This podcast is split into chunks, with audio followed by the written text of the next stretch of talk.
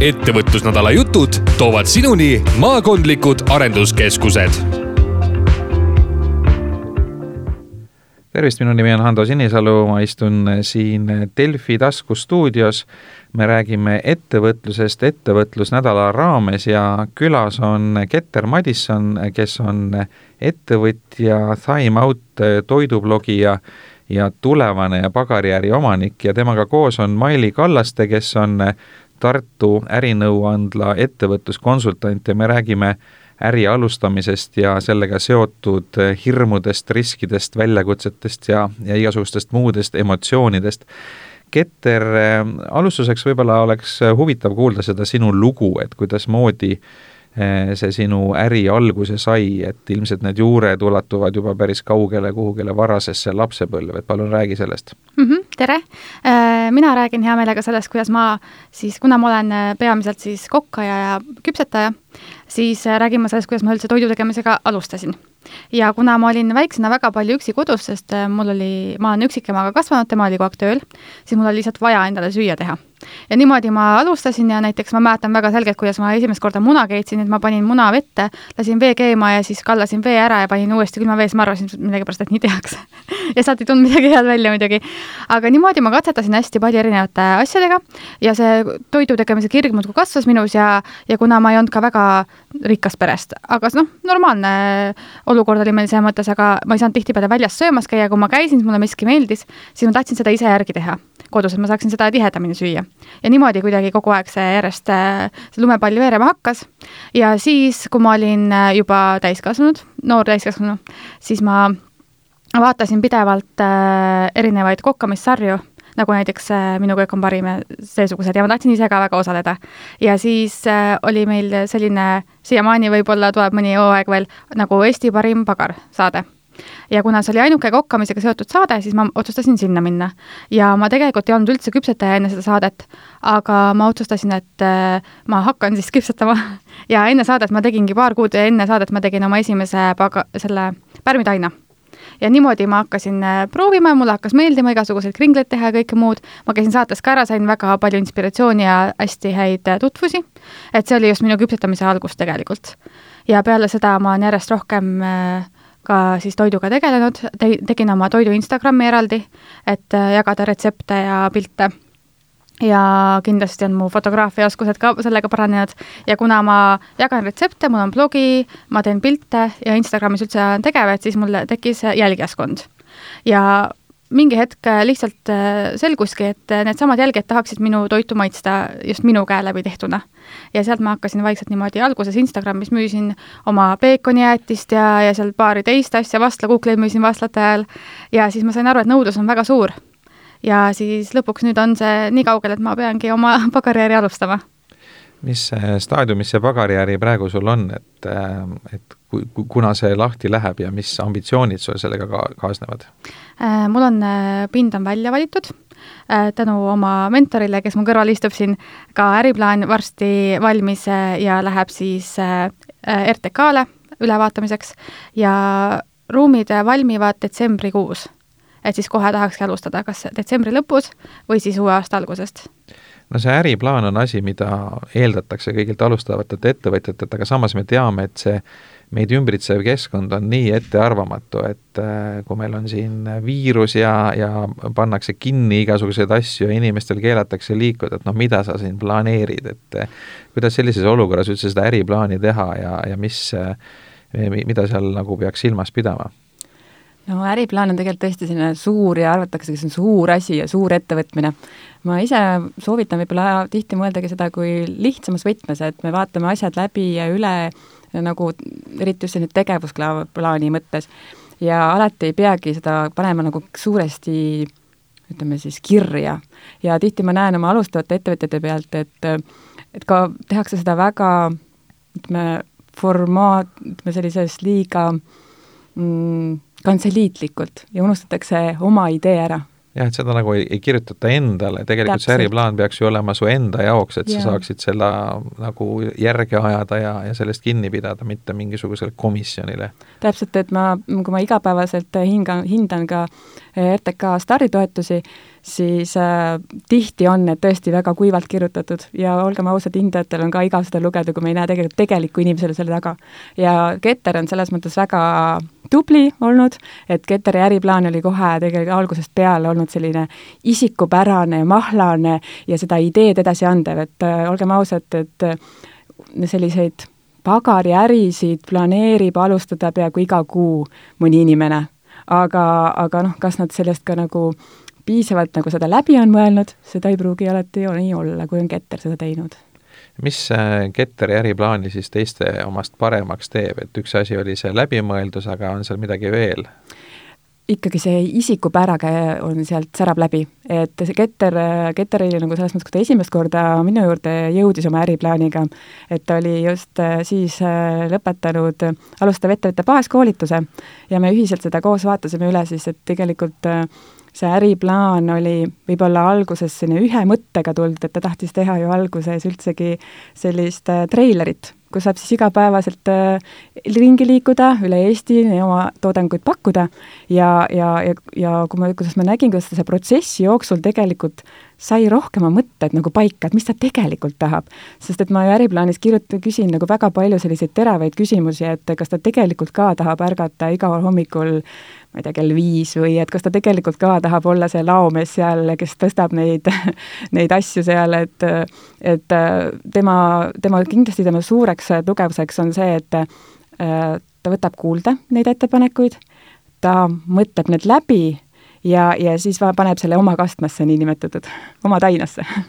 aga Keter, neid pagariärisid on ju Eestis palju ja Tartus ka omajagu, et äh, miks sa arvad, et sinu pagariäri on konkurentsivõimeline või mille poolest see on nii eriline, et nüüd äh,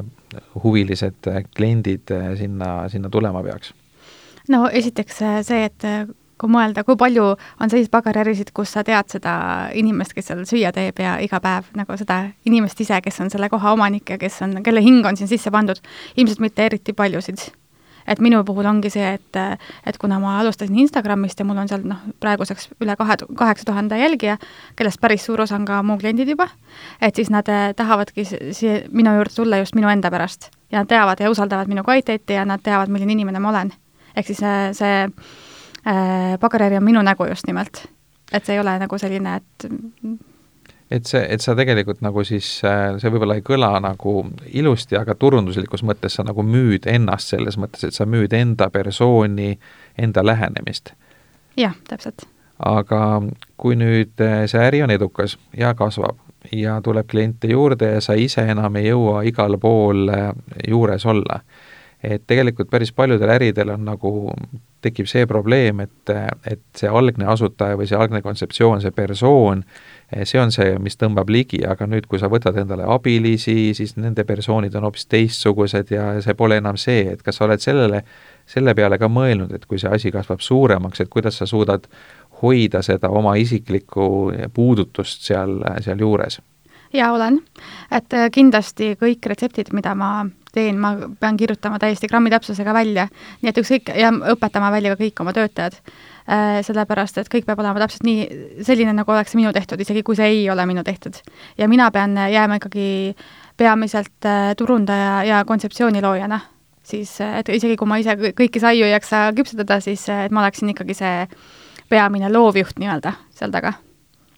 siis üks teine asi, mis igasuguste toitlustusäride selline saatus on, on tihti see, et alguses on äh, portsud suured ja toidud maitsvad ja siis ühel hetkel, kui kõik need kulud kokku lüüakse, siis selgub, et oi, et sellise hinnaga küll äh, või ütleme, selliste kuludega küll ei saa müüa. ja siis hakatakse kokku hoidma ja asendatakse komponente odavamate vastu ja need asjad lähevad nagu viletsamaks ja viletsamaks ja tekib selline pettumus ja noh, arusaadav, et põhjus on see, et esialgu tehti äh, liiga kallilt asju.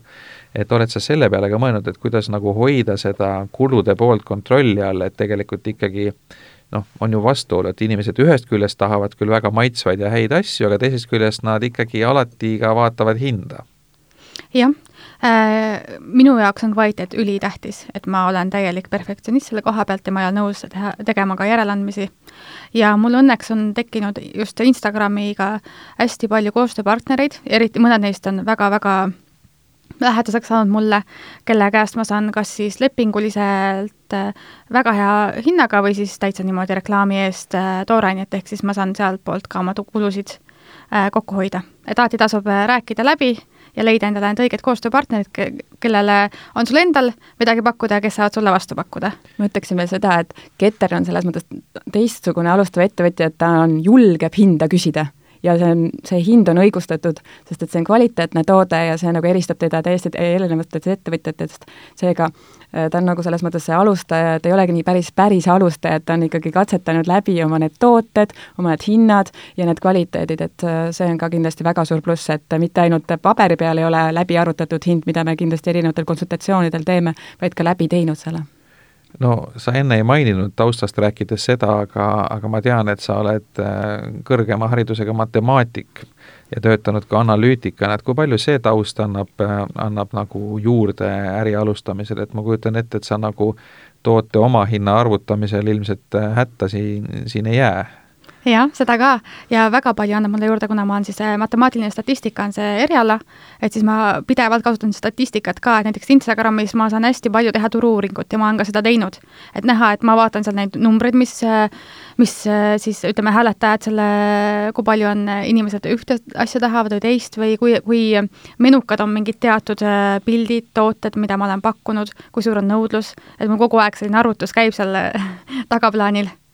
et see Instagram on sinu jaoks nagu, nagu kogu aeg äh, selline pidev kliendi tagasiside allikas, kus sa saad kogu aeg infot uute toodete ja ja, ja maitse-eelistuste ja muu kohta, et, et sa saad nagu kiiresti kohe seda Instagrami tagasisidet rakendada ka siis tootearenduses ja, ja, ja oma äris. jah, vägagi no Instagram on,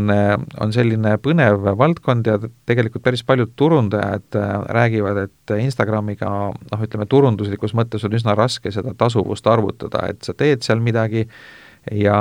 ja noh, kui Facebook ja Google ja teised digikanalid äh, on reklaami mõttes sellised suhteliselt lihtsasti jälgitavad ja, ja ka tulemuslikkus on lihtsalt mõõdetav, et seda Instagrami ei osata nagu väga kasutada ja noh, öeldakse, et eks ta põhiliselt selline tuntuse kasvatamise kanal on ja noh, mingi emotsiooni lisamine, aga nüüd kui, kui proovida sealt nüüd tuua seda otsest kasu, et nüüd tõestadagi raamatupidajale või finantsjuhile ära, et näed, et ma kulutasin Instagrami X tundi või X eurot raha ja palju sealt tagasi tuli, vot siin juba jäädakse hätta, et äh, mis sinu kogemused on, et kuidas sina seda Instagrami äh, äh tasuvust äh, lahti seletaksid? No hetkel ma pean ütlema, et minu Instagrami tasuvus on sada protsenti minu ärikasumist, sellepärast et ma ainult seal olengi siiamaani tegutsenud. et mul füüsilist kohta ei ole, kõik müük äh, põhimõtteliselt, mida ma teen ja kõik äh, inimesed, kes mind teavad, teavad ka ainult ühest allikast. kuna ma, Facebook on minu jaoks juba ammu natukene iganenud ja natuke liiga äh, satureeritud või selline, ei ole enam fookust seal, kuidagi kõike on liiga palju. et Instagramis on seda fookust oluliselt lihtsam hoida. ja minu Äh, ma arvan, et täpselt see õige äh, sihtgrupp on ka Instagramis väga tegev, kes mul on, ehk siis äh, naisterahvad vanuses ütleme kakskümmend kuni nelikümmend on mu peamine selline sihtgrupp, pereema või, või lihtsalt kokandushuviline, kellele meeldib nagu ka see pool, mida ma pakun peale oma küpsetiste, ma pakun ka neile tasuta informatsiooni nii-öelda, ehk siis retseptid, igasugused nõuanded, et nad saavad palju rohkemat kui lihtsalt see äh, saiaka, mida nad ostavad mu käest ja see Instagram on siis tegelikult sinu jaoks müügikanal, et sa kutsud seal üles inimesi ostma oma tooteid ja siis äh, need sinu fännid ostavad ka? jah, põhimõtteliselt, kui ma isegi väga ei kutsu üles, vaid nad ise, tihtipeale ma ainult mainin natukene ja, ja juba sellest piisab. sa mainisid sihtrühma naised kakskümmend kuni nelikümmend, et sa ise ka kuulud tegelikult nagu sellesse sihtrühma, et kas sulle tundub, et lihtsam ongi teha tooteid nagu endasugustele jaa, kindlasti, sellepärast et ma suhestun, nemad suhestuvad minuga paremini ja ma umbes äh, ka tean, mida siis minusugune naisterahvas äh, hindab põhimõtteliselt, aga kindlasti on mul ka meesterahvaid väga palju klient, klientuuris ja ja ka vanemad inimesed võiksid olla, aga nemad lihtsalt ei kasuta praegu sotsiaalmeediat nii aktiivselt ja sellega mul on nendeni raskem jõuda. Aga sellest sihtrühmast veel rääkides, et, et noh, tihti on, on see probleem, et nagu omasugustele asju tehes jõutakse üsna ruttu sellise piirini, et neid inimesi lihtsalt ei ole väga palju ja selleks, et äri kasvada saaks, on varem või hiljem vaja võtta siis kas uusi turge või, või laiendada seda sihtrühma valikut, et oled sa selle peale ka mõelnud, et et, et mida edasi, et mis need järgmised sammud võiks olla, kui see sinu põhisihtrühm on nüüd kõik käes ja, ja seal enam nagu kasvuruumi pole? jaa, olen. Äh, kuna Tartus on väga limiteeritud äh, vegan äh, küpsetised, siis see on üks sihtgrupp, mida ma sooviks ka, kuhu ma sooviks laiendada, on just veganid, et ka neile pakkuda erinevaid variante siis aga küpsetised üldse, noh, kui, kui vaadata selliseid toitumisnõuandeid, siis ega, ega väga sageli küpsetised sinna nõuannete sisse ei mahu. ja on seal siis nii, nii suhkru kui, kui süsivesikute kui rasvadega probleeme, et, et kuidas sellega lugu on, et kas see sihtrühm noh, ma kujutan ette, et nad on tegelikult päris teadlikud toitujad, et kuidas nad sellesse suhtuvad, et, et kas see kas seda hirmu ei ole, et nende toitumisharjumused ikkagi muutuvad ja võib-olla nad ostavadki neid, neid sinu äh, hõrke küpsit, küpsetisi ainult, äh, ma ei tea, korra kuus või suurte pidupäevade puhul? Äh, tegelikult ma arvan, et just see on, see aeg on just läbi saamas, kus inimesed kardavad nii väga rasva ja süsivesikuid ja suhkrut ja gluteeni ja nii edasi. et kui otsest talumatust ei ole või mingeid pro-, terviseprobleeme, siis ma arvan, et äh, järjest äh, rohkem just äh, promotakse seda, et tegelikult kõik toit on hea toit ja lihtsalt peab teadma piire. aga näiteks tervislikest inime-, inimestest rääkides, siis ma käin ise Crossfitis ja terve Crossfit Tartu enamus on seal väga sellised tervislikud inimesed. aga kui ma toon mõne kringli neile, siis see kaob umbes kahe sekundiga. nii et tegelikult ikkagi tehakse erandeid ka, et sa ei pea iga päev seda saiakest sööma, aga sa ikkagi lubad endale nautimiseks seda mõnikord no ma olen ise seda katsetanud ja olen rääkinud mõne teise inimesega ka, et, et kui piirata suhkru tarbimist ehk süüa vähem magusat, siis mõne aja pärast su maitsemeel harjub sellega ära. Ja, ja kui sa ei ole tükk aega näiteks kommi söönud või, või saiakesi ja siis alustad uuesti nii-öelda, proovid neid, siis nad tunduvad meeletult magusad, sest sa pole enam harjunud sellega ja tegelikult see meie maitsemeel on rikutud ja toiduainetöösturid ka räägivad seda, et noh, kas või selline asi nagu ketšup, kus on hästi palju suhkrut, et kui üritatakse natuke tervislikumaks seda muuta, ehk suhkrut vähendada, siis inimestele lihtsalt see ei maitse enam. et kuidas sina selle suhkru teemale lähened, et kas, kas sa üritad ka kuidagi inimesi harjutada siis vähem magusa maitsega või, või on see täitsa lootusetu ettevõtmine? Ei, tegelikult ei ole, sellepärast et äh, näiteks äh, mul on, ma ütleks, et mul on rohkem soolaseid küpsetisi kui magusaid tegelikult. ja ma arvan, et äh, kui piisavalt palju teisi maitseaineid kasutada ja kasutada kvaliteetseid äh, väga häid asju nagu või piisavas koguses, et siis ei ole seda suhkrut tegelikult nii palju vaja, muidu ongi liiga, liiga magus või liiga rammus nagu tegelikult see lõpptulemus. ehk siis äh, maitseained aitavad väga palju nii soola kui suhkru äh, ütleme, kaaslastena neid mõle, kumbagi siis äh, vähendada siin pole mitte asi selles, et suhkur on lihtsalt suhteliselt odav, et, et, et kui teha hästi magus asi, siis on võimalik teiste asjade arvelt jälle kokku hoida, et see matab selle kõik muu maitse mm -hmm. enda alla. aga jõudsime juba väga detailselt retseptide ja koostisosadeni, aga, aga nüüd ettevõtluse aspektist asja vaadates, et et mis sinu jaoks olid sellised kõige suuremad hirmud või, või mured või ma ei tea, oli sul mingi äh, selline unetud ööd, enne kui sa otsustasid, et äh, jah, et ma ikkagi teen selle ettevõtte nüüd ära, et, et mida sa kõige rohkem nagu pelgasid mm,? Kuna ma olin tegelikult äh, palgatööl, töötasin IT-sektoris, kus on väga head palgad, siis, ja mul oli vastav haridus ka, siis loomulikult ma mõtlesin, et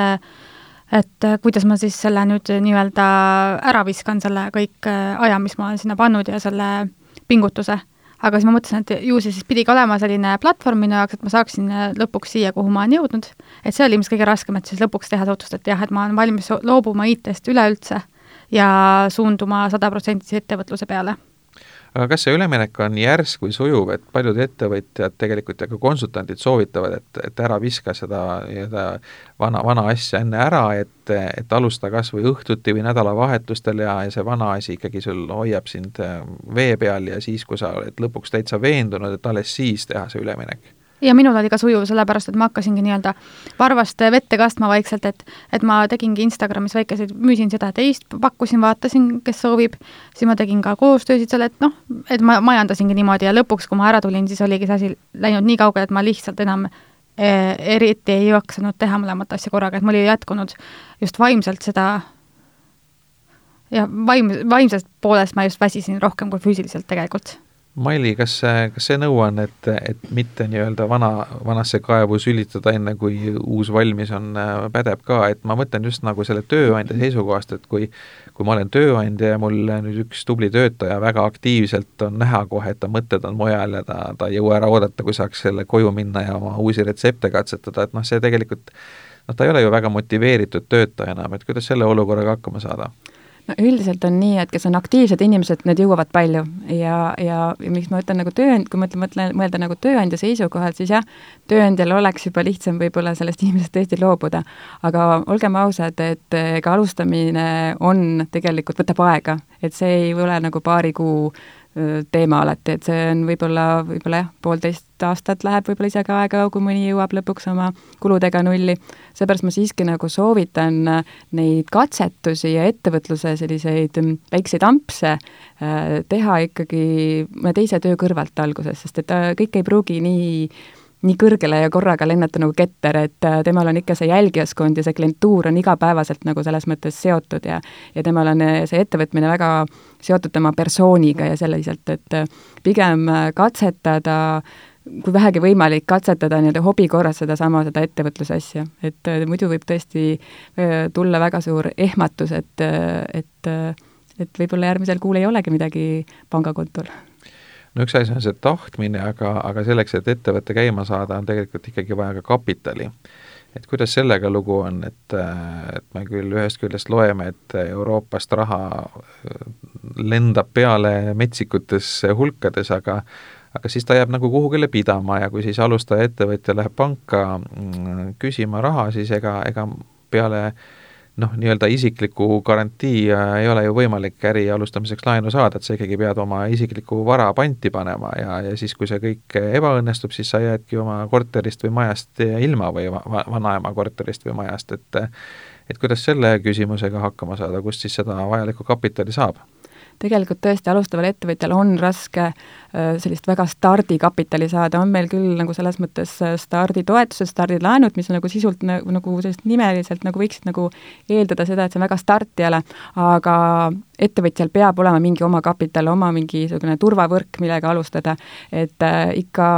niisama ilma kogemuseta ja ilma mingi baasita või omaosaluseta äh, ei soovi ka erinevad rahastajad nagu rahastada. ja seepärast ongi mõistlik alati kas siis säästa oma eelmise töö kõrvalt või teha mõnda asja juba hobi korras ja siis juba vaikselt nagu mõelda ja vaikselt säästa ja koguda. et see start oleks võimsam lihtsalt. et äh, praegult kahjuks on nii, et alustavad ettevõtjad väga palju jäävadki selle taha, et neil ei, näiteks puudubki see kümme tuhat, see neli tuhat, see mingisugune summa, et äh, seda startida, aga noh, olgem ausad, et ega ettevõt-, ettevõtlus ongi tegelikult meie enda, meie enda, tihti meie enda valik ja, ja, ja ja keegi meile ei peaks seda lihtsalt niisama andma nojah, kui see oleks liiga lihtne, siis äh, ilmselt ka kuritarvitataks natuke Täpselt, seda. aga Keter äh,, ma saan nagu sinu äri algusest aru, et äh, noh, tegelikult Instagrami konto tegemine ja sinna jälgijate saamine noh, väga palju raha ei võta, et aega küll, aga, aga, aga raha nii väga mitte ja kui sul juba need fännid on seal olemas, ja nad nõuavad su käest, et, et küpseta meile ja siis sa saad need ka veel, ma saan aru, et su hinnad ei ole nüüd kõige odavamad, et sa saad need ka nagu õiglase hinnaga maha müüa, ja siis hakkab ju nagu raha kohe tulema, et sa saad noh, põhimõtteliselt juba nii-öelda esimesest päevast kohe plussi rahavooliselt, et on see nii? jah, põhimõtteliselt küll. ja siis sealt tasapisi kasvades on võimalik äh, juba hakata raha kõrvale panema, et seda järgmist sammu teha. kas sul on ka vaja nii-öelda võõrkapitali olnud, et mingite laenude või, või investeeringute abil või oled sa praegu saanud ise, ise hakkama? Äh, seni olen saanud ise, aga kuna nüüd äh, pagariäri jaoks on vaja ikkagi päris korralikku tehnikat, siis äh, ma plaanin äh, starditoetust ikkagi võtta.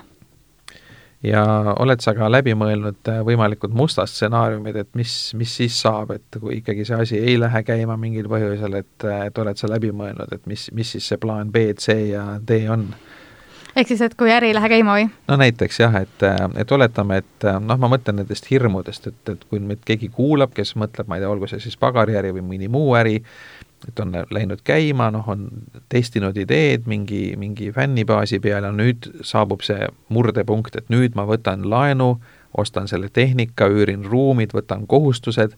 et mis siis saab, kui see asi ei õnnestu, ma ei tea, mis iganes põhjusel, see võib olla eh,, turg muutub, võib-olla su enda plaanid muutuvad, ma ei tea, tervis ei pea vastu, mis iganes asju võib juhtuda et mis siis nagu saab, et kas sa pead nagu mõtlema selle peale, et aa, okei okay,, et ma tean, et ma saan vähemalt need seadmed maha müüa või et see liising on nõus tagasi ostma või või, või see rendileandja noh, a la on valmis selle lepingu lõpetama väga lühikese etteteatamise ajaga või mis, mis iganes need sellised väljapääsuteed seal on no ütleme, ma võin täiesti ausalt öelda, et ma ei ole selle peale väga palju mõelnud, sellepärast et mul on hästi palju usku sellesse asjasse. aga noh, kindlasti on äh, palju lahendusi, esiteks ma saan alati minna tagasi IT-sse, kuna seal on äh, tööd alati. Ja ma olen ikkagi viis aastat äh, töötanud spetsialist, et ma peaksin saama vajadusel küll uuesti tööle. ja, ja samas on ka see Instagrami pool on nagu mu, mul alati ka nii-öelda teine töö, et on see pagariäri ja siis see Instagrami pool ja sugugi ka selline kehv variant, et, et seal ma saan ka edasi tegutseda, et seni, kuni ma ütleme, leian siis uue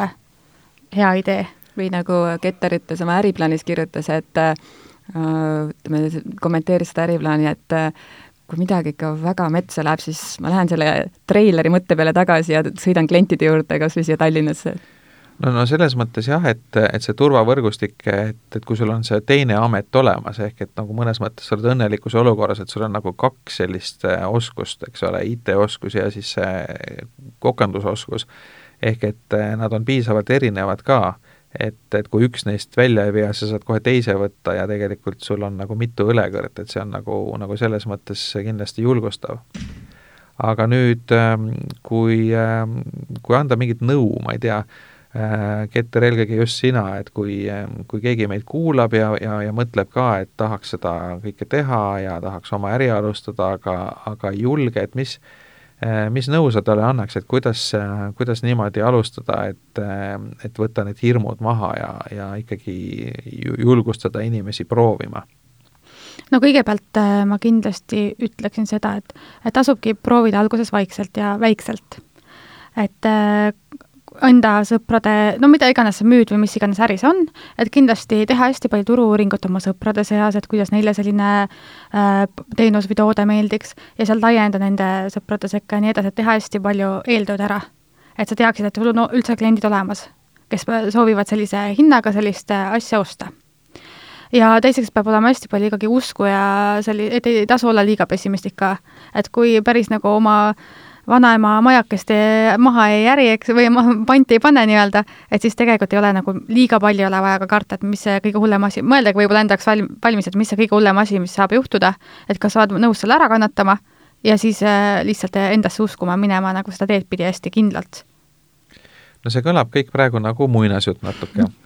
aga noh, igas muinasjutus on ka see kuri hunt või mingisugused äh, ohtlik, ohud ja, ja, ja, ja sellised tagasilöögid, et, et millised on sinu kõige suuremad tagasilöögid olnud seni või sellised asjad, mida sa ei osanud ette kujutada ja mis osutusid tegelikult raskemaks, kui sa arvasid?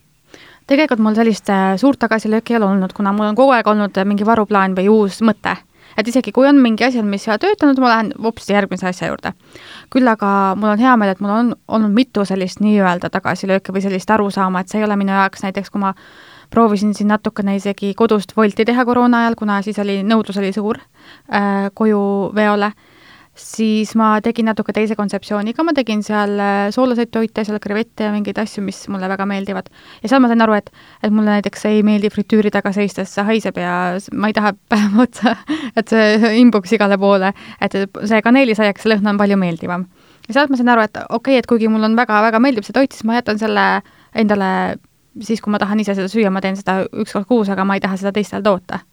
ja niimoodi on päris mitme asjaga olnud, mida ma olen äh, proovinud, mõtlen, et oh, see on nii hea idee, ma teen seda ära,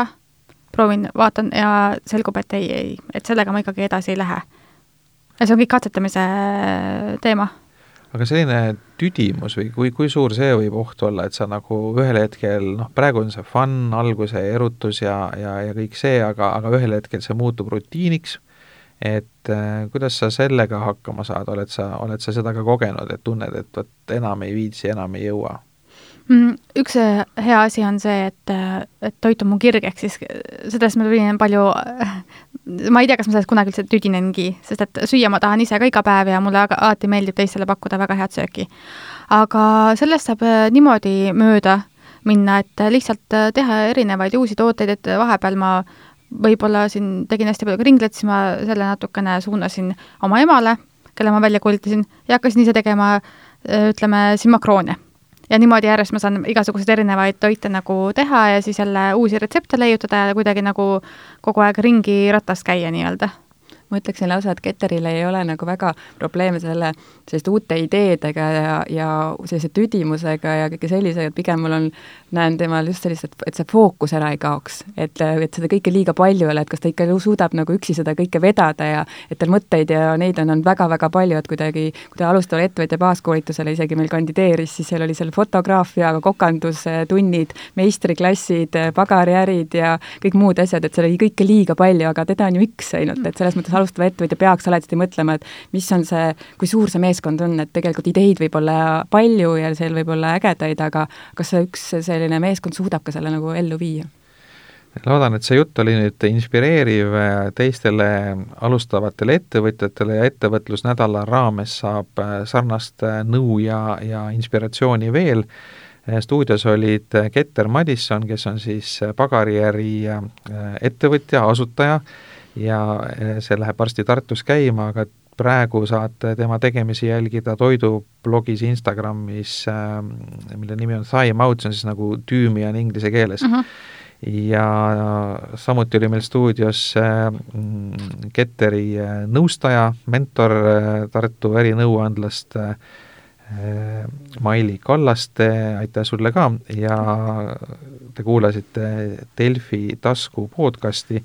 ja neid saateid äh, on võimalik kuulata siis suuremates äh, podcasti keskkondades nagu Spotify, Apple, Google Podcast ja SoundCloud ja Delfi taskus on igasugust muud põnevat sisu ka veel. minu nimi on Hando Sinisalu, aitäh kuulamast! tule osale! viiendast kuni üheteistkümnenda oktoobrini toimub ettevõtlusnädal. rohkem infot ettevõtlusnädal.ee